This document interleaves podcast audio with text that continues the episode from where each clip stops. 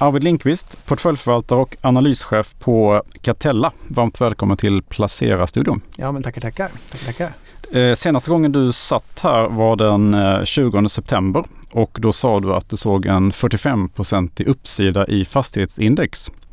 Ja, det stämmer. Vi har ju fått en ganska rejäl uppgång. Ja, ja, ja men nu, nu har det dragit iväg här. Ja, hur ser du på fortsättningen då? Eh, nej, men, men alltså bakgrunden till den där, den där eh, liksom uppgången som vi såg, det, var, det byggde ju egentligen på en modell. Vi jobb, jag jobbar ju väldigt mycket med, med modeller och liksom ledande index. Och det byggde egentligen det där, liksom det, det där uttalandet, eh, liksom, vi noterade liksom att vi befinner oss nära en vändpunkt. Det byggde ju väldigt mycket på vårt inflationsindex som vi så föll tillbaka väldigt kraftigt. Eh, och, och, och, det är ju ett inflationsindex som baseras egentligen på nio råvaror bas, eh, eh, prissatta i SEK. Eh, producentpriser, penningmängden M3 och sen har vi också lagt in rullande 12 månader antal transaktioner på transaktionsmarknaden som en bra ledande eh, temperaturmätare liksom på, på ekonomin. Och alla de där parametrarna har ju fallit eh, under det liksom sista året som en liksom sten neråt. Så, eh, så allting pekade på att inflationen faller tillbaka väldigt snabbt. Och eh, det där, det där liksom är väl någonting som Eh, vi, vi såg liksom, ja, för, något, för något halvår sedan redan i, i somras väldigt tydligt att inflationen faller tillbaka. Så lägger man in bara det här ledande index in, i en modell för OMX Stockholm Real Estate så, så får man en, väldigt, en modell som förklar, en väldigt bra förklaringsgrad egentligen. För att eh, liksom index eh, det här inflationsindex är en, och inflationen är en viktig parameter avseende korträntan och, och Riksbankens, hur, hur Riksbanken eh, agerar så att säga. Vilket, vilket i sin tur eh, liksom blir en viktig parameter som påverkar fastighets, fastighetsbörsen. Så att det vi ser egentligen det är att vi, marknaden har väl liksom också liksom någonstans insett det här nu sista sex, eh, sex sju veckorna. Och, och eh, ja, handlat om och handlat ner eh, marknadsräntorna väldigt kraftigt och, och förväntningarna på att få eh, liksom rätt, eh, en, ja, stora centralbanker som börjar vika ner sig och börja stimulera ekonomin redan i liksom första halvåret nästa år, redan från, från mars till maj nästa år. Jag tänker på det har varit väldigt mycket snack om eh, här i, när vi såg botten då i oktober så var det att räntan ska vara högre under mycket längre tid än vad någon kan föreställa sig. Och sen plötsligt nu några veckor senare då så, så ska man sänka redan eh, tidigt nästa år. Ja, eller hur. Och, och, och, och de långa marknadsräntorna har ju eh, totalförändrats och gått ner liksom femårsswappen ner 100 punkter. Liksom Mm. Så det är klart och, och även den här, den som vi tittar på väldigt mycket, den, den långa Eh, 30-åriga tipsräntan, vilken är en lång amerikansk realränta. Den, den ser man under de sista två åren har ju eh, de genomsnittliga aktiepriserna på, på, på den svenska, för de svenska fastbolagen har följt den här, den här långa realräntan väldigt tajt. Och nu ser man också att den här, eh, precis som de nominella räntorna, den här långa realräntan också faller tillbaks väldigt tydligt. Och det, så så att det, det, det, här, det här är väldigt logiskt. Så att mark, marknaden har tagit den här kovändningen och, och det har blivit en väldigt kraftig omprisning liksom på börsen och det är väl ganska väl i linje med, med, med liksom vår Det var precis som modell. ni trodde. Ja, men det var mm. ungefär som vi trodde liksom. Mm. Egentligen. Att, att vi kunde inte pricka in det där exakt på veckan när det skulle ske utan men vi, vi, men vi befarade att det skulle vara någon gång innan, innan, innan jul liksom här, innan nyår att vi skulle ha någon form av urbottning i marknaden och det, det hände ju också. Ja. Jag har för mig att du sa att det skulle ske alltså, inom 11 månader liksom, sa du då? Ja, i in, höstas. Ja. Just det, ja det var mm. ganska stor, det var ganska stor, okej, okay, det var ganska mm. stort intervall. Mm.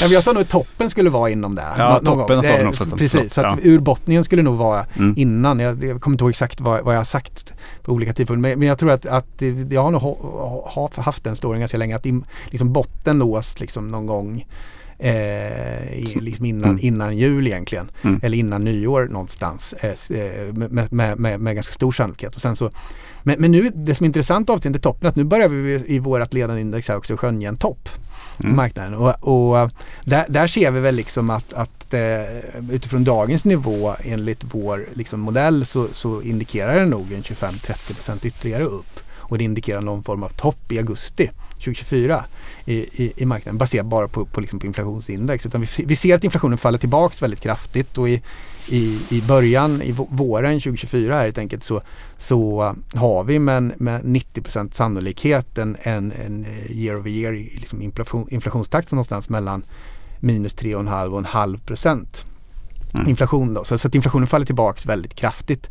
Eh, och, och, men, men någonstans här hittar man också liksom någon, någon form av, vill man bara sondera någon form av botten i inflationen och det indikerar också att, vi, att börsen eh, liksom pikar ut där någonstans. Så jag kan tänka mig att, att marknaden går Eh, nu har det ju gått väldigt snabbt, väldigt kort mm. tid. Så jag, jag, kan tänka mig på kort sikt här nu, så bågen är väldigt spänd, förväntningarna är väldigt triggade mot svag makrodata och mer inflationsfall. Så det kommer säkert komma lite indikatorer nu. Det kommer säkert komma lite indikatorer här eh, från centralbanker och också säkert lite makroindikatorer som är lite starkare än, än befarat och centralbanker som signalerar liksom att, mm. att man inte är redo att sänka än. Också eftersom financial conditions, man tar Chicago Feds financial conditions, den har ju, indikerar ju väldigt eh, liksom stärkta sentiment och, och, och bättre tillgång till, till finansiering och så vidare. Vilket har att göra såklart med att börsen har gått väldigt starkt och räntorna har gått ner och liksom kreditmarginalerna har gått ihop och sådär. Eh, så, så Eh, det, är väl, det, är väl, rätt liksom sannolikt att det blir, ett bakslag nu och räntorna svingar upp igen lite grann men att, bot, att, att, att toppen på räntorna på något sätt är nådd.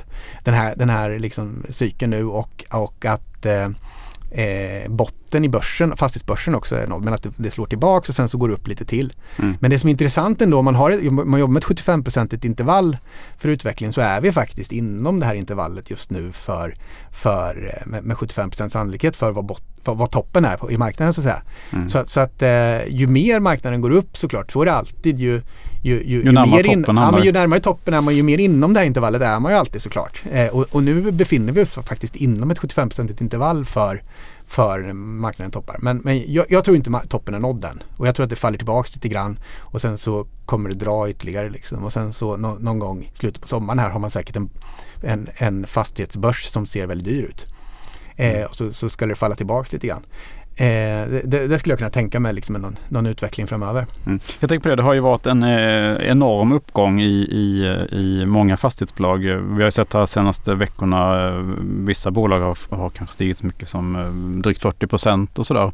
Är det någon speciell typ av fastighetsbolag som har dragit extra mycket eller någon sektor in, som har dragit extra mycket som du ser? Hur differentierar du den här uppgången som vi har sett från botten? Ja, nej, men man ser väl fortfarande någonstans, alltså det, det man ser, man tittar man på de olika bolagen så ser man ju fortfarande att de, de, de bolag som har haft bäst performance nu liksom över tid, det, är ju, och de bolag som också har premier på börsen, det är de bolag som riktar in sig på industri, mixindustri, logistik. Det är bolag typ Sagax? Eh, eh ja, men precis. Exempel. Sagax, Sagax, eh, Catena, SLP, MP3 och så vidare. Mm. Eh, så så eh, det är ju, det är ju liksom segment som, som, som marknaden gillar och, och handlar upp och sen så ser man ju eh, ser man ju fortfarande liksom att, att det, det eh, liksom de som riktar in sig på hyresbostäder har ju fortfarande väldigt stora, väldigt stora rabatter och har en väldigt svag utveckling. Eh, sen å andra sidan så vad, vad, jag kan tänka mig sker just nu det är ju att marknaden tiltar över allt mer att, att, att mm, eller, det är väl den förändring vi har sett nu att man gradvis börjar förvänta sig en återgång till de här väldigt, väldigt låga marknadsräntorna till en lågräntemiljö. Och då kan, kan det ju bli rejäla uppgångar i, i, i de här eh, bolagen som har lågavkastande fastigheter och för hög skuldsättning som har en affärsmodell som, inte, som, bara, som bara fungerar när de har väldigt, väldigt låga räntor. Mm. Så då kan man ju få kraftiga uppgångar där tidvis. Men mm. jag tror ju ändå att det vi ser just nu det är en, en väldigt temporär nedgång i inflationen. Eh, och som, som jag tror vi har pratat om de senaste gångerna också. På ja, längre mm. sikt så, så, så, ser jag fortfarande en stagflationsmiljö där vi kommer att ha en hög och volatil inflation under de kommande fem, säkert tio åren. Mm. Eh, och, och, men just att den, samma, den, den karaktäriseras av en väldigt hög volatilitet. Så att, så att, och det var precis det vi såg under 70-talet också när det är väldigt slagigt. Men under 70-talet var ju fastigheter det bästa man kunde äga också. Men fastigheter gillar inflation. Fastigheter ja. performar väldigt bra i mm. inflation och, och, grunden till det där är att de allra flesta segment har ändå driftnetton som kopplar det tydligt till inflationen. Precis. Eh, och, och, och, grejen är att man har en, en makromiljö med hög inflation. Då har du generellt sett, eh, om man tittar man över väldigt lång, lång tid, eh, då, då ser man också att man, man oftast har en väldigt låg realränta. Perioden man har väldigt låg realränta är oftast perioden när du har en högre inflation. Och, och eh, vi, vi, gjorde faktiskt en, vi har ju vår analysklubb här och gör liksom återkommande analyser och i en av de senaste fokusanalyserna här så, så tittade vi på, på, liksom på en historisk historiska avkastningskrav under väldigt lång tid. Och då konstruerade jag en hundraårig eh, yield-serie här för kontor i, i, i, kontorsfastigheter i Stockholms IBD. Där har man ju en tidsserie från mitten av 80-talet och framåt. Men eh, jag, jag jämförde spreaden mellan realräntan och, och fastighetsgilden och, och, och jämförde den för, för de här kontorsfastigheterna i Stockholms CBD med eh, utdelningsyield på börsen. Mm. Och då ser man att de beter sig otroligt lika under okay. den här perioden. Att, och det fina är att det finns väldigt långa historis, historiska data avseende utdelningsyielden på, på, på börsen helt enkelt, på, på svenska, svenska börsen. Det finns det data från sent 1800-tal och framåt. Eh, och, och, genom att de här beter sig väldigt lika så kan man skapa en teoretisk tidsserie just för, för fastighetsgilderna för kontor Stockholm CBD. Som är, de är ju teoretiska egentligen så det är ju inte riktig tidsserie men det, den, den är det bästa vi kan få på något sätt.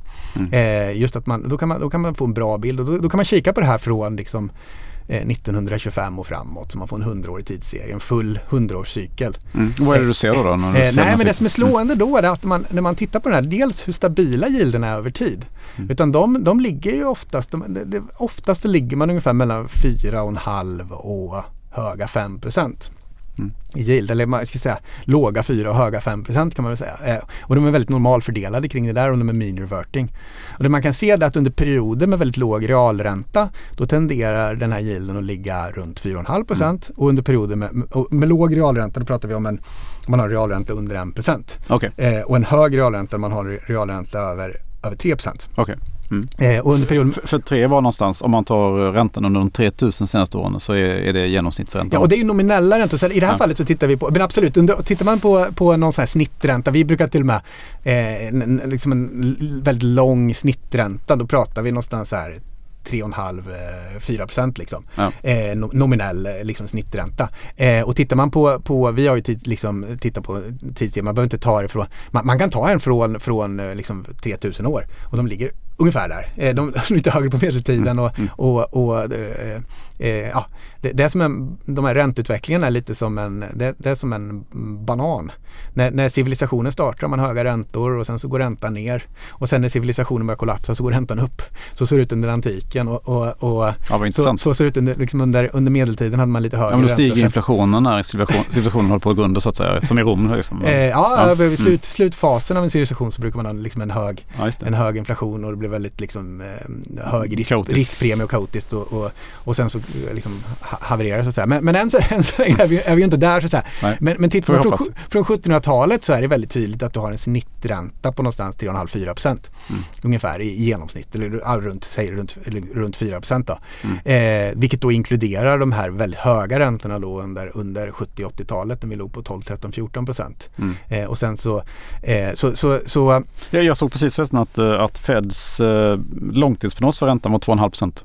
Ja, eh, Tioårsprognosen liksom. Ja, ja mm. men, men, men, precis. Och, och, vi, det där, och det där är rätt intressant. För, för grejen är ju den att om vi ska återgå till gilden och den här realräntan, men då ser man att ja, men perioder med låg realränta, man ligger under 1%. Mm. Det är ju under perioder man har hög inflation. Så att, så att det är skillnad på, på real, realräntan, man mäter den egentligen nominell ränta minus inflation. Så att du kan ha en, en, en period med, med, med hög inflation och rätt höga nominella räntor. Men om de är lika höga så blir den reala räntan noll. Ja. Eh, under de perioderna så tenderar den här fastighetsgilden då att vara ungefär i snitt 4,5 procent. Under perioder när man har en högre real ränta så tenderar den att vara kanske höga 5% 5,5 till, liksom, till 6% ungefär. Mm. Eh, men det är väldigt stabilt och det är mean reverting. Eh, och, och och, och, det, och, grejen är ju den att det som, det som skapar avkastning någonstans på fastighetsmarknaden det är just faktorn att, att driftnätterna följer med inflationen över tid. Det är det som blir en sån compounding eh, eh avka- liksom, som, som, skapar den, den, den otroligt attraktiva avkastningen. Och det är framförallt därför som fastigheter mår så bra i en höginflationsmiljö. För då ökar ju driftnettona mm. rätt bra i linje med inflationen. I linje med den allmänna ekonomiska utvecklingen på de geografier som fastigheterna ligger. Mm. Eh, och tittar man framöver då, vad, vad, är det för scenario som man kan tycka är liksom rimligt att förvänta sig framöver? Jo, men jag, jag, vår bild är ju fortsatt att, att vi, vi kom ifrån en 30-40 årsperiod när vi hade väldigt eh, mycket disinflationskraft i global, den globala ekonomin. Vi hade väldigt kraftig globalisering fram till finanskrisen mm. som egentligen tog slut efter finanskrisen. Så sista 15 åren har globaliseringen kan man stabiliserat till gradvis minskat om man tar mm. världshandeln i relation till global BNP. Eh, vi hade en demografisk utveckling som var väldigt disinflatorisk. Det var en stor del i västvärlden av befolkningen som var i den övre medelåldern. Man är väldigt, sparar mycket och arbetar och, mm. och, och, konsumerar liksom egentligen lite mindre och sådär. Mm. Väldigt disinflatoriskt. Nu man, man, har köpt, man har köpt allt redan. Ja, exakt, exakt. Nu tippar man över till, en, till pensionsåldern och då blir man inflatorisk istället. Då, då, då, då kräver man mer eh, tjänster, framförallt sjukvårdstjänster och man konsumerar sitt sparande och sådär. Mm. Eh, och, och, kommer ur arbetskraften. Eh, och sen så har vi en energiomställning som vi inte mm. hade tidigare på, på samma sätt som kräver enorma investeringar i förnyelsebart och kärnkraft och så vidare. Eh, och sen dessutom så är vi inne i en, i en kris och krigscykel mm. med, med geografisk o, eller geopolitisk o, o, oro och, och insourcing och så vidare som driver kostnader. Mm. Och dessutom höga skulder. Och de höga skulderna, det som brukar hända när man har globalt väldigt liksom, to, totala skuldsättningsnivåer i, olika, i, i de stora globala ekonomierna, det är ju att, att man tvingas föra en mer expansiv penningpolitik eh, och hålla uppe inflationen. Kanske till och med mm. skifta upp inflationsmålet. Just för att, för att växa i fatt, så att nominell BNP på något sätt ska växa i fatt och få ner den här skuldsättningen. Mm. Eh, så att det, det, jag tror att vi, vårt scenario som vi håller vid, som vi har haft kört som ett huvudscenario sedan 2019 egentligen, det är att vi står för en period med, med låga realräntor just drivet av att vi har en högre inflation. Vi kanske har en inflation på mellan 3 och 5 procent under de kommande 5-10 åren. Men du Arvid, det finns ju en så kallad omvänd svart svan här också ja. och det är ju AI-utvecklingen. Ja, absolut. Produktivitetsutvecklingen ja, kanske tar fart ordentligt här. Ja, så, så kan det bli. Så kan mm. det bli. Mm. Eh, och det, det händer ju väldigt mycket väldigt snabbt nu. Det, det man, tittar man på tidigare sådana här teknikskiften dock så, så brukar det dock ta längre tid att rulla igenom. Jag menar, eh, nu är det ett teknikskifte som kanske sker går otroligt, en spets, eh, spjutspetsutveckling som går otroligt fort. Men när det där ska rulla igenom i hela världsekonomin och alla leveranskedjor och all produktion och så vidare så kommer det nog ändå ta tid. Mm. Eh, så då, då, pratar vi nog ändå, eh, även om själva utvecklingen går väldigt fort, så, så, om det där ska liksom implementeras och, och, och framförallt det som är viktigt för ekonomin att det genererar en produktivitetstillväxt och det betyder ju också att de personerna som ersätts ska få andra eh, produktiva jobb. Eh, så, så, det där tar nog tid. Mm. det tror jag man kan ha som, som, som eh, hypotesen då att, att mm. Eh, utvecklingen kan gå väldigt fort men att för att det ska få genomslag på produktiviteten så tar det tid. Mm. Eh, och så, så, att jag tror ändå att, att även om det där är liksom en viktig parameter så är det nog ändå vettigt att, eller det finns inte tillräckligt mycket baserat på den utvecklingen för att gå ifrån mm. vår, det scenariot vi har. Att det, det blir, det, det, blir en period med financial repression troligtvis. När man, när man helt enkelt får hålla upp inflationen för att få ner våra skulder. Plus att man har de här globala parametrarna med med, med mindre globalisering, mer krig, eh, demografi och, och, och, klimatomställning som tryck, gradvis liksom jobbar för att trycka upp inflationen framöver. Så, så det här allt sammantaget, är det, kommer det vara ganska bra för fastigheten då? då? Ja, men jag tror det, historiskt sett har det visat sig att de perioderna när man har när man har en väldigt låg realränta då är det oftast för att man har en högre inflation. Och mm. under de perioderna så har man en lite lägre yielder i snitt. Men då pratar vi ändå höga gilder mot det vi är vana vid. För vi kommer ju i den här normalfördelningskurvan på gilderna så kommer vi från en svans i den här normalfördelningen, en extremsvans. Mm. När vi har haft liksom prime yielder, Stockholm CBD om man skulle ha det som ett benchmark för gilderna som har legat på 3% eller under 3 mm. eh, Och då ska man komma ihåg att snittet kanske är liksom 5 det blir raka snittet och snittet under år när man har låg realränta är 4,5 Eh, så, att, så att det vi ser ändå det är att marknaden måste anpassa sig till högre gilder. Och varför var, befann vi oss så långt ut i svansen då under de här 5-10 åren som vi kommer ifrån? Jo men det är ju för, för att tittar man på det så ser man att är, vi hade en period nu när vi hade extremt låga reala räntor kombinerat med extremt låga nominella räntor. Vilket inte alltid, det är ganska, inte jättevanligt att man har den kombinationen. Och dessutom väldigt mycket centralbankslikviditet som flödade i systemet. Och det där gjorde att du fick liksom en väldigt låg risk i marknaden och gjorde att vem som helst i princip kunde få tillgång till finansiering. Man kunde, man kunde få skuldkapital att stoppa in i marknaden. Man kunde jobba med väldigt hög belåningsgrad. Eh, och, och, och, det där drev ner gilderna och framförallt så drev det ut eh, kapital på riskskalan och drev ner direktavkastningskraven i, i lägen liksom med hög risk och fastigheter med högre risk. Eh, men det drog, drev, drev även ner prime-yielderna väldigt mycket. Det var otroligt eh, skifte liksom bland Eh, kapitalägare och institutioner och så vidare mot alternativa investeringar och fastigheter just för att det här, man, det här, man tyckte det här yieldgapet var så, så högt sådär. Så, så, så eh, jag tror att det var ändå en unik mix av, av parametrar eh, som, som skapade den här säkerheten i marknaden som gjorde att man, man, man, man bedömde marknaden, eh, den finansiella risken som väldigt låg på något sätt. Och man Mm. bedömde, det, det, perioden kallades för great moderation. Man bedömde volatiliteten i marknaden var låg och det gick att, att jobba med väldigt hög, liksom väldigt mycket skuld. Mm. Och det drog upp tillgångspriserna vilket gjorde att LTV-erna, belåningsgraderna blev ändå rimliga. Mm. Man tryckte upp värdena så mycket. Mm. Så det blev liksom en, en extrem mix av parametrar och jag, jag tror nu återgår vi till mer Så som det ska vara. Ja, men lite mer, det blir lite mer normala om man ska kalla det för det. Där, där man har visst, vi har låga realräntor men vi har också volatil inflation och vi har volatila nominella räntor vilket gör att du inte kan jobba med så mycket belåning och du får inte så mycket belåning. Mm. För bankerna liksom kräver, det är mer picken när man lånar ut och ma- räntemarginalerna är högre. Mm. Eh, och det där i sin tur, fastigheter, i den här miljön mår fastigheter väldigt bra. För det är det är driftnettot det handlar om och driftnettot i de allra flesta segment tenderar att följa med inflationen. Och, och i ett sånt här scenario så är det inte superkul att sitta till exempel, alltså nu jobbar jag med fastigheter så jag är biased, men sitta kanske med nominella obligationer i den här. Alltså en period med financial repression, det, det är just då håller man ju ner de nominella räntorna så att de över tid kanske är i linje med eller lägre än inflationen just för att man ska få ner skuldsättningen. Så det är någon, det är, det är spararna som får betala för det här. Mm. Eh, och då är det ju inte super att sitta med cash eller Nej. obligationer. Eh, utan då vill du ha någon real tillgång. Eh, men, men grejen är också att du måste ha en affärsmodell som fastighetsbolag som klarar, robust nog, att klara de här volatila nominella räntorna. Eh, och och, och det, är där, det är där skiftet vi står inför just nu. Och nu har vi ett, eh, många, i vår modell har vi 35 noterade bolag.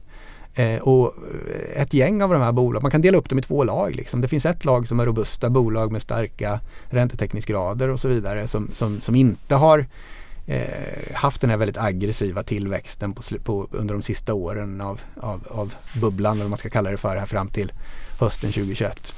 Eh, utan ha- har varit lite mer försiktiga och de visar sig nu att man har, har, har lägre skuldsättning, man har en bättre avkastning på sina, sina fastigheter och, och, och bättre nyckeltal avseende räntetäckningsgrad och så vidare. Så Det är lite grann bolag, det är bolag som ungefär huvudstaden kan man. Ja, men eh, Den det, typen av bolag. Mm. Precis, sådär. Och Mm. man, man ska välja några, några bolag. Och, och eh, de bolagen som förut i toppen på bubblan kanske betecknas som lite trista, liksom sådär, mossiga. De Mm. inser inte den nya ekonomin. Inte så mycket hävstång liksom. Nej, inte så mycket hävstång och man, man är inte, man är inte Mm. De har inte fattat vad det handlar om. De är Mm. precis, de har inte fattat vad det handlar om utan de, de är gamla stofiler och sådär. Mm. Men, men någonstans liksom ser man på när, man, när man ska börja inse den nya ekonomin, det är alltid en varningssignal för det är aldrig någon ny ekonomi. Utan den där historien är ofta väldigt, Mm. Den här supercykeln kommer jag ihåg från 2007 va? Det Ja. skulle aldrig kunna bli lågkonjunktur nej eller hur? När Kina köpte alla råvaror. Absolut, och, och, Mm. och jag menar det där är ju alltid fel. Ja, alltid fel. Mm. Utan över årtusendena så rör det sig alltid i cykler. Mm. Och, och, och eh, liksom räntorna är väldigt, eh, de återgår till något snitt liksom och det är ändå underliggande underliggande, eh, det finns en underliggande eh, stabilitet, kosmisk stabilitet på något sätt i det här. Mm, mm. Samma sak är med fastighetsgilderna, det finns en, en underliggande normalfördelningskurva liksom Mm. som, man, som man rör sig mot. Eh, och, och, och, och det som händer nu det är ju att jag tror att vi är i en period nu när marknaden, konsensus ändå kommer hoppas och tro att vi ska återgå till den här lågräntemiljön. Eh, och det, Ja, då- verkligen alltså. Det tror jag också. Ja. Eh, och och, och det, det kan pågå liksom, den kan komma till och från under, under det kommande året när inflationen faller tillbaka så mycket. Så tänker man, ja, men nu är vi inne i det här Japan-scenariot igen, de nominella räntor ska ner liksom, Mm. och vi kommer få se ytterligare stimulanser från centralbankerna. Eh, eh, jag tror istället att, att, att det blir inte alls så utan det blir en kort period till. För, och baserat då egentligen på att den globala ekonomin är väldigt svag och svensk ekonomi eh, utvecklas väldigt svagt i år. Och, och jag tror att vi kommer in i nästa fas i lågkonjunkturen nu. Vi, vi, har, vi har haft en fas än så länge när arbetsmarknaden har klarat sig ganska bra men nu börjar det märkas på sysselsättningen och så kommer nästa fas i lågkonjunkturen så får vi en tipp, tippar över. Den här ekonomin än så länge har varit lite stickig. Den håller emot hyfsat. Vi, vi är kanske inte riktigt vana vid den här inflationsrecessionen heller. Mm. Inflationen kryper sig på och urholkar reallönerna hos hushållen och gradvis så börjar liksom svagare Det börjar kännas. Ja, det börjar kännas liksom. Priserna stiger, man ser att man har ju de flesta, även om många korta räntor så, så, så tar det ju ett tag ändå innan, innan liksom finansieringskostnader rullar igenom. Och nu, nu har ju räntorna pikat och kanske går ner lite grann men fortfarande kan det ju vara så att hushåll som har bundit räntorna och sådär att det fortfarande rullar igenom dyrare räntekostnader. Plus att, att priserna, liksom om du går in, även om du går in i nollinflation så betyder inte det att priserna faller speciellt mycket utan det är snarare att de stabiliseras. Exakt. Så att du får ju anpassa dig till, till en högre prisnivå. Mm. Även om du till, och med har lite deflation så är det ju fortfarande väldigt liten deflation. Så det, det är inte så mm. att det kommer bli jättemycket billigare. Eh, som, som i liksom varukorgen, även om vissa, vissa varor kan bli rejält mycket billigare såklart. Så, så är det alltid. Eh, men, men eh, Typ kaffe nu till exempel. Ja men ja, precis. Så, så, så, så att, eh, men men på, på det stora hela, liksom hela varukorgen eh, får man helt enkelt bita ihop, anpassa sig och, och, och acceptera att, att eh, reallönerna har fallit och det kommer ta ett tag innan de tar ifatt. Även om man har en bra reallöneutveckling liksom, så kommer det ta, ta tid. Eh, och, och, slå på sysselsättningen, vi kommer in i nästa fas, konsumtionen, eh, hushållen håller igen, svagare konsumtion, skapar väldigt mycket osäkerhet. Även om det bara är vissa som drabbas såklart av högre arbetslöshet så skapar det väldigt osäkerhet över hela ekonomin när folk börjar bli arbetslösa. Eh, och sen på fastighetsmarknaden så ser vi nästa, den fas vi kommer in i nu är vakanser bland, bland kommersiella fastigheter. Eh, och, och det kommer ju drabba de, de eh, fastighetsägare som har fastighetsbestånd då i, i lite sämre lägen. Eh, har du absolut liksom prime-lägen så, så, klarar man sig alltid lite bättre. Då får man vakanser är det lättare att, hy att hyra ut och så vidare. Eh, är det så här köpcenter i förorter liksom? Eller vad? Ja men det, precis, det, det har ju varit liksom utmanande, utmanande länge. länge. Ja. Men, men, men även Kontor man, kanske? Ja men även när man mm. tittar på kontorslägen i, i, i, i, liksom, i närförort och ytterlä, ytterortslägen liksom i, i, i Stockholmsområdet eller i regionstäder. Det kommer bli högre vakanser. Även de här eh, mixkommersiella fastighetssegmenten. Eh, även, även eh, industrilogistiksegmenten. Vi, vi, kommer se, vi kommer se att vakanserna kryper uppåt. Liksom i, eh, sen sen har man bra fastigheter i bra lägen behöver det inte bli någon, någon katastrof. Men det kommer ändå det, det kommer ändå märkas. Eh, kommer det göra. Eh, men, och sen är det ju så att de bolagen nu som har haft en väldigt eh, expansiv och aggressiv tillväxtstrategi byggt på, på skuld och som, som, som har, för, för, vad vi har sett nu under de här två, två det är ju från hösten eh, 20, 2021 och framåt egentligen, eller hösten 2021 pikade det ur. Eh, och det vi ser nu hos, hos bolagen är att, att nu börjar ju liksom räntetäckningsgraderna krypa ner till, till, till eh, ansträngda nivåer. Och man har ju liksom nu använt mycket av sina reserver. Så att nu, nu är man nere, liksom, många bolag, nu är de nere på fälgarna. Och nästa år, det, det, det är då liksom reserverna är borta och, och, det blir riktigt tryck på de bolag som har svaga nyckeltal att faktiskt agera. För även om marknadsräntorna faller tillbaka nu så, så rullar ändå finansieringskostnaderna igenom för noterade bolagen och, och, och stiger. Eh, för fortfarande så byter man ut finansiering som är väldigt, väldigt, väldigt, väldigt billig mot finansiering som är betydligt dyrare. Även om marknadsräntorna går tillbaka. För att när marknadsräntorna går tillbaka ska vi komma ihåg nu att... att eh, Under hur lång tid kan det här pågå tror du? Alltså hur lång nej, men det kommer pågå rätt länge. Liksom för det här är en liksom? process som kommer hålla mm. på i flera år. Det kommer hålla på mm. hela 2024. Det kommer säkert hålla på 2025 också. Ja. Eh, och det bolagen måste ta in ett eget kapital, måste fortsätta sälja och bolag, bolag måste ändra de bolag som har haft en, en skulddriven affärsmodell mm. och, och, i kombination med rätt lågavkastande fastigheter. De måste ändra hela affärsmodellen. De måste ta in ett eget kapital. Mm. Och de måste få, få ner värderingen och få upp avkastningen i sina fastigheter och slipas på sin förvaltning så att man får en effektivare förvaltning mm. och bättre förvaltningsenheter. Och mm. Eh, och det gäller ungefär en tredjedel av bolagen kan jag säga. De noterar, mm. Om det är 35 bolag, ungefär en tredjedel av de här bolagen har liksom en affärsmodell som man måste skruva om. Mm. Och det kommer säkert bli en konsolidering. Mm. Eh, och, och, det här tar tid liksom. Eh, för att man är väldigt, väldigt ovillig att göra saker också. Man hoppas hela tiden på att det ska ordnas och räntan kommer ner. Och jag tror det hoppet kommer tillbaks nu. När inflationen faller tillbaks så är hoppet tillbaks igen. Och då mm. kommer det bli dead cat bounce på på, på flera av bolagen som egentligen inte har rätt affärsmodell men som Mm. Om vi skulle hamna i det scenariot att du har ett Japan-scenario nu. Mm. Då skulle det vara en bra affär. Mm. Och många kommer agera utifrån det scenariot. Mm. Tror jag. De lever på hoppet. De lever på hoppet. Men, men det scenariot tror jag inte är rätt. Liksom. Om, om man har en, med, med en mer historisk analys av eh, makroutvecklingen framöver så, så, är det ett väldigt osannolikt, jag ska säga ett omöjligt scenario, men det är ett väldigt osannolikt scenario att vi hamnar där. Mm. Utan jag tror att, att den här disinflationsmiljön är över. Utan den värld vi befinner oss just nu är, är snarare en inflationstiltad värld. Och det behöver inte betyda att det hela tiden är inflation men underliggande så, så har du makrofaktorer som jobbar för inflation snarare än disinflation. Mm. Eh, och, det, och, och, det där skapar mer volatilitet, mer turbulens och, och snittinflation som blir högre. Och mm. plus att politikerna, du har, du har politiker och centralbanker som, som står inför en realitet eh, utanför Sverige då när vi har låg offentlig skuldsättning med istället hög privat skuldsättning. Så till exempel i USA har man väldigt, väldigt, väldigt hög offentlig skuldsättning. Under 20% av BNP tillsammans med, med en, en, eh, ett budgetunderskott som, som har pendlat mellan 6-8 procent sista tiden av BNP. Så det är extremt hög skuldsättning och extremt stora budgetunderskott. Eh, så, så, att det, det, vägen ur det här kommer vara att inflatera bort de här skulderna. Och då blir det att centralbankerna då eh, tror du kommer att acceptera ett högre inflationsmål? Till slut. Det kommer bli att man tvingas acceptera ett högre inflationsmål och, och att man, det är inte alls osannolikt att man tvingas införa eh, åtgärder för som, alltså åtgärder för financial repression som, som, precis som man gjorde efter andra världskriget. Där man eh, på olika sätt Eh, vi ska komma ihåg perioderna, och så 50 och 60 och 70-talet, alltså då var det ju kapitalrestriktioner. Eh, då, då, man, man, då kontrollerade man kapitalet för att liksom, man, man behövde hålla nere finansieringskostnaderna. För, för, för att liksom kunna hantera skulden mm. efter andra världskriget och, och, alla de investeringar som man behövde göra. Liksom, man skulle bygga upp ekonomierna.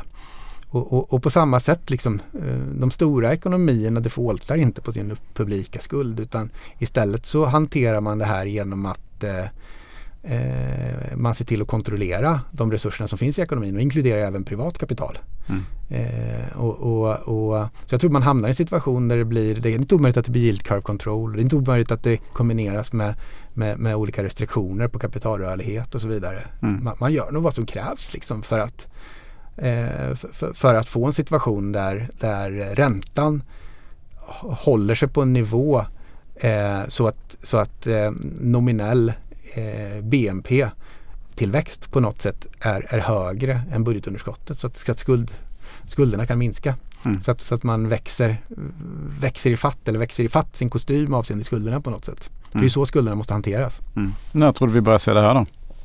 Nej men jag tror redan vi har, vi har börjat se det här. Mm, mm. jag tror redan vi är Vi lever i det. Vi, vi, vi, men vi, vi är i början av det här. Liksom, det som hände vid pandemin det var ju att man, man började eh, Framförallt i USA så, så hade man ju en enorma budgetunderskott under pandemin som man egentligen direkt monetariserade. Fed, Fed eh, eh, det, det, var ju rena helikopterpengar från Fed under pandemin mm. och, och, man hade ju eh, budgetunderskott som var, var högre än under andra världskriget. Mm. Eh, och när man, man liksom gick in och, och skickade ut checkar till, till, till hushåll som egentligen direkt trycktes. Det är klart det blir inflation. Mm. Eh, och, och eh, jag tror att det, det, det, är på den, på den vägen. Nu, nu eh, stra, stramar man ju liksom åt och vill få ner inflationen men då har du istället en sån skuldsättning som är så hög. Så att, så att eh, problemet är ju den att underliggande har en, en nu har en skuldsättning med 120% av BNP i USA varav 100 ungefär finns hos allmänheten. Vilket gör att, att eh, liksom när, när eh, det var ju det problemet vi fann oss i fram, eller som var väldigt tydligt nu fram till sex veckor sedan. Att när räntan stiger med, med 1 eh, då stiger över ett år budgetunderskottet med 1% vilket är stimulans. Eh, och eftersom den här räntan går ut till eh, företag och hushåll, eh, ungefär 77-80 av av, av skulden finns hos amerikanska företag och hushåll och resten finns hos internationella aktörer. Men det här blir ju en stimulans. Så att det är liksom som ett, ett, ett kärnkraftverk med härdsmälta. Det bara eskalerar. Ju högre räntan blir ju mer stimulerar ekonomin. Mm. Och, och eh, liksom ju större blir budgetunderskottet. Mm. Och, och, ju mer måste du låna. Mm. Och det trycker upp räntan vilket, så att det blir som en självförstärkande spiral. Mm. Eh, och den, den spiralen har vi där nu. Eh, och, och sen att, att förväntningarna har tippat liksom mot mot eh, eh, recession egentligen. Det, det, är ju, det är ju det, det, alltså mot en svagare ekonomi egentligen. Eh, vilket gör att, att liksom räntorna har gått ner och det, det har ju liksom mildrat det här, det här förloppet. Liksom. Men underliggande finns ju det där förloppet kvar. Skuldsättningen är helt enkelt för hög. Eh, så, så, så vägen ur de här skulderna kommer ju vara att man, att man tvingas hålla uppe inflationen. Men då är vi, är vi ju 1970-talet igen här då ju. Ja, eh, något, något liksom, ett, ett, inte, liksom inte riktigt samma förlopp men ett liknande förlopp mm. blir det ju på, på, på, på något sätt. Vi, vi, vi, vi har en, en, en miljö där vi kommer ha en, en fortsatt liksom hög volatil inflation. Det, mm. det tror jag. Eh, och, och just, just, just baserat på de här mixen av globala parametrar som jobbade ner inflationen förut men som inte, som inte mm. finns där just nu. Mm. Eh, och, och ett lite fast perspektiv så, så, tror jag liksom även om marknaden nu kommer förvänta sig under en kortare period att vi är tillbaka i lågräntemiljön så kommer man bli negativt för, för, liksom överraskad när det visar sig att ekonomin bottnar ur och återhämtar sig någon gång under mm. eh, 2024. Eh, och sen så när tillväxten tar fart igen, då tar inflationen fart igen. Mm. Eh, så då har du nästa spike i inflationen. Eh, och då tror jag många kommer bli väldigt besvikna. Eh, och, och, och långräntorna faller tillbaka men de faller inte alls tillbaka till de nivåerna man, man såg tidigare. Men tror du vi kommer att se en inflation som är lika, i den här andra inflationsuppgången då, kommer vara lika hög inflation som vi har sett här under första uppgången? Eller är den, är den ja, lägre det är svårt, alltså det, det, jag vet faktiskt inte riktigt om man kommer se, man skulle kunna se toppar som blir lika höga. Mm. Eh, I vårt scenario så har jag väl inte tagit ut svängarna så mycket utan jag har nog snarare tänkt mig, ja men då ser man kanske eh, man, man ser att inflationen snarare ligger mellan eh, 3 och 6 procent liksom och pendlar och man har ett snitt över de kommande fem åren på kanske 3,5 procent. Mm. Eh, men det är ju ett lite mesigt scenario egentligen. Eh, då, då har jag inte tagit ut svängarna. Det är klart att det skulle kunna bli mer ex extremt. Eh, mm. Eh, jag menar om du får en värre, värre liksom, det bryter ut eller eskalerar eh, flera av de krig som påverkar blir mer regionala krig och så vidare. Eh, det, det, är en orolig geopolitisk situation. Eh, och, och, man har liksom ett, ett oljepris som, som, som eh, eh kan triggas baserat på geopolitiska situationer och så vidare. Så att, eh, det, det, är inte omöjligt. Men det är inte mitt huvudscenario. Nej. Men, men när tror du den här, den här andra inflationsgången, när tror du vi ser toppen i den då? Ja, men jag kan tänka mig att, att vi har en svar, väldigt låg inflation under 2024 mm. och sen i takt med att ekonomin bottnar ur under 2024 och börjar återhämta sig 2025 så kommer inflationen tillbaka. Sen kanske 2026 så har vi en, en hög top. inflation igen. Mm. Eh, men sen är det ju, det där är ju scenarier. Alltså det, det, man ska komma ihåg att det är en stor skillnad på våra in, ledande index för inflationen till exempel. Mm. Som ligger sju månader framåt och baseras på data och sannolikheter. Det andra när man tittar längre fram, då är det ju scenarier. Så då, då är det mycket, mycket, högre osäkerhet eh, självklart. Mm. Eh, utan då, då, tror jag man lutar sig tillbaka snarare på vad, vad är det för drivkraft, makroekonomiska drivkrafter? Jo, vi, vi vet liksom att vi, vi, har en rätt djup recession som, som har varit mer, alltså, men, men ändå har tillväxt, tillväxten varit förvånansvärt motståndskraftig i år. Så troligtvis så tippar en del av den recession som vi kanske förväntade oss tidigare i år att vi skulle få redan i år, den tippar över på nästa år. Mm. Men sen också under nästa år någonstans kommer ekonomin bottna ur. Eh, huspriserna bottnar troligtvis ur liksom i, någon gång i början på, på, på nästa år. Och, och eh, man ser att, att, att liksom, eh, e, ekonomin kan börja bottna ur och, och, kanske även liksom globalt sett kan, kan, kan eh, den globala ekonomin bottna ur så att export efterfrågan kan börja ta fart igen. Och sen så, eh, sen, sen, så baser, men baserat på det där så, så fort ekonomin återhämtar sig och tar fart igen då kommer inflationen komma igen.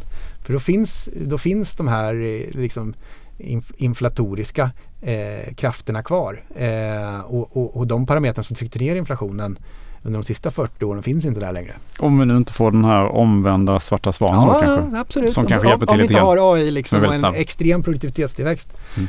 Eh, men det kräver ju liksom det, det, kräver ju ganska mycket. Det kräver att du ska kunna rulla ut den här tekniken brett. Mm.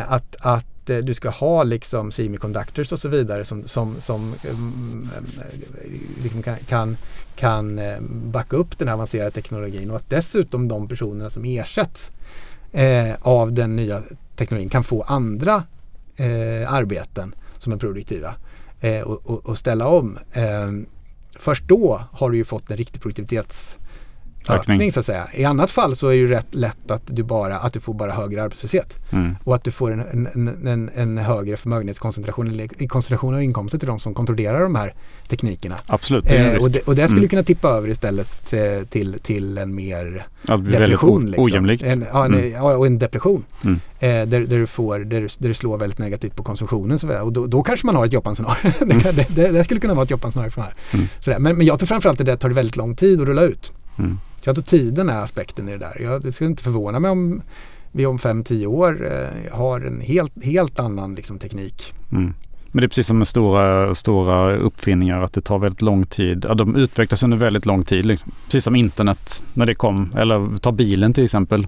Den kom i början på 1900-talet men den har ju fortsatt utvecklas under hela under hundra år. Liksom. Ja, absolut. Och sen säger och fortsätter de, utvecklas. och de som, som kan AI säger ju nu, ja men eftersom du har en, en, en AI som utvecklar sig själv så går det fortare, mycket, mycket, mycket, mycket, mycket, fortare och de är väldigt liksom, kraftfull utvecklingsfas. Mm. Men det har ju fortfarande tiden det tar att rulla ut en teknik. Ja. Eh, där det finns liksom någon form av fysisk begränsning. Mm. Eh, och det är dessutom är väldigt mycket Inte minst eh, datacenterhallar till exempel. Absolut. Och, Byggnader. absolut. och råvaror för att producera, att producera all infrastruktur som krävs. Mm. Eh, är ju liksom en begränsning. Och, och ser man då att man har dessutom en, en värld med mindre globalisering och eh, kanske liksom delvis, de, delvis eh, insourcing och, och kanske problem med leveranskedjor och så vidare så, så underlättar inte det. Om man ska sammanfatta så har väl liksom, jag, jag tror att marknaden har, fastighetsaktiemarknaden har bottnat ur. Ja.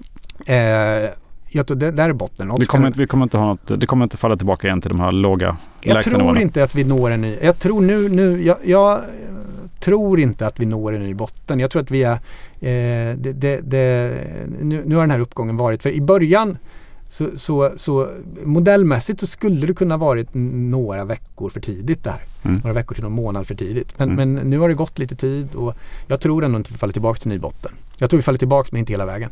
Jag tror att på transaktionsmarknaden, jag har inte pratat så mycket om transaktionsmarknaden, men jag tror att det här är också liksom en väldigt viktig signal på fastighetstransaktionsmarknaden som jag också tror har bottnat ur. Jag tror den bottnar ur i juli. Mm. Så i somras tror jag den bottnade ur. Okej. Eh, och där ser man att an, rullande 12 månaders antal transaktioner faktiskt svagt, svagt, svagt och börjar gå upp nu. Och nu Mm. ser vi att mer transaktioner kommer in. Och jag tror att den kommer också fortsätta nästa år eh, och, och fortsätta gradvis röra sig uppåt. Så Mm. att man gör mer affärer. Och det har också att göra med dels att det fanns väldigt mycket kapital, framförallt fonder och privat kapital på sidlinjen som väntar på en signal från, från, på att marknaden ska bottna ur. Och jag tror börsen var den signalen. Mm. Och just det här att, att, att man börjar konsensus på att räntetoppen är nådd var också en väldigt tydlig signal. Eh, så så där, där tror jag att, liksom att, att eh, den har bottnat ur. Och sen ser vi framförallt en väldigt tydlig omprisning på transaktionsmarknaden under, under sista halvåret nu 2023. Eh, direktavkastningskraven har väldigt tydligt eh, justerats upp i transaktionsmarknaden. Det ser vi mellan 100 till 200 punkter upp i direktavkastningskraven i de allra flesta marknaderna. Och nu har det gjorts transaktioner på de allra flesta marknaderna. Undantaget är väl egentligen kontorsmarknaden i Stockholm där det inte gjorts så mycket transaktioner. Mm. Eh, men, men annars i de allra flesta segment, förut, förutom just på kontorsmarknaderna i storstäderna egentligen skulle jag kunna säga. I all, de allra flesta andra segment så har vi rätt mycket transaktioner nu. Mm. Eh, så, så att, så att, och, och direktavkastningskraven de har, har liksom hittat sin ny nivå som är ungefär den nivån man hade för tio år sedan. Så ungefär 2012-2013. Okej. Där någonstans så har marknaden hittat och, och det är långsiktigt relativt hållbara nivåer. Om man tittar på man, framåtblickande var någonstans de nominella räntorna ska vara. Mm. Eh, att företagen behöver anpassa sig till finansieringskostnader. Eh, en nominell ränta plus, plus kreditmarginal på, på 5-5,5 procent framöver. Eh, och, och, och då tror jag direktavkastningskraven på marknaden, då börjar de närma sig, de ska upp lite till kanske, men, men det börjar närma sig liksom rätt nivå. Och börsen prisar precis in samma sak nu. Mm. De, de ligger på, uh, på ungefär de nivåerna man har på transaktionsmarknaden. Prisar börsen in i, implicit då på, de, på de olika bolagen. Så att även där har man justerats upp. Så att, och sen är det värderingarna som ska justeras nu under de kommande kvartalen. Mm. Och det kommer säkert bli en, en tydlig justering under Q4 och så kommer det säkert fortsätta kommande kvartalen. Mm. Eh, så, så jag tror att på många sätt och vis har marknaden bottnat ur både transaktionsmarknaden och börsen. Eh, men sen är det ju den här pågående omvandlingen när bolag som har en affärsmodell som anpassat till nollränta. De måste ställa om och det kommer ta tid. Mm. Men, men så på, på något sätt första fasen i den här marknadsförändringen eh, eh, kan vi väl liksom bocka av nu. Att den har vi gått igenom. Nu kommer vi in i andra fasen. Okej, vad intressant. men, men om man sammanfattar då, så om man kollar um, alltså börs, de noterade bolagen, om man tar fastighetsindex här, så, så tror du lite grann att vi har rusat kanske lite för fort, så vi kanske kan vänta oss en kortsiktig sättning, men att vi ska fortsätta upp eh, ändå under nästa år, fram Ja. till ungefär augusti då. Jag, jag, jag, jag tror det. Jag tror det. Sa, samtidigt som vi, har kom, vi, vi befinner oss nu inom indexintervallet, det 75 i indexintervallet. Mm. Eh, men, men jag tror fort, fortsatt uppåt. Fortsatt uppåt. För det, det, är en, det är en kraftig rörelse det här. Ja. Eh, men den har gått för fort. Ja. Eh, så det måste tillbaka lite troligtvis. Och sen ska det rulla på vidare till Ja. någon gång efter sommaren här i augusti. Ja, du får komma tillbaka några månader igen och eh, så får vi kolla hur det har gått då helt ja, enkelt. Ja, Tusen tack för att jättebra. du kom hit Arvid. Tack, tack.